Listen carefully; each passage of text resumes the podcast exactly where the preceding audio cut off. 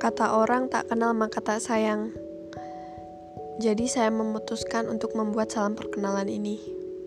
Karena biar apa? Biar kita bisa sama-sama saling sayang walaupun kita tak pernah bertemu ya dan cuma sekedar mendengarkan. Saya remaja gabut, baru lulus SMA dan bingung mau ngapain. Ketika semua teman-teman saya telah memutuskan apa yang mereka mau, setelah lulus SMA dan apa tujuan mereka? Dan mungkin sekarang mereka telah memiliki teman baru. Ya teman baru. Dan saya masih di rumah.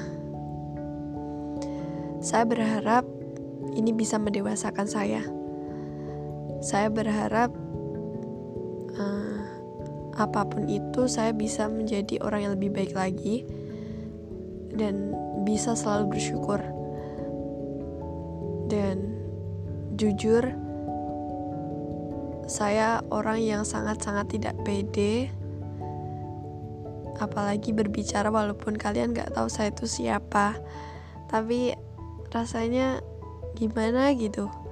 Jujur saja ini saya banyak sekali pengulangan untuk merekam ini. Tapi ya udah akhirnya saya memberanikan. Jadi sekali lagi Salam kenal.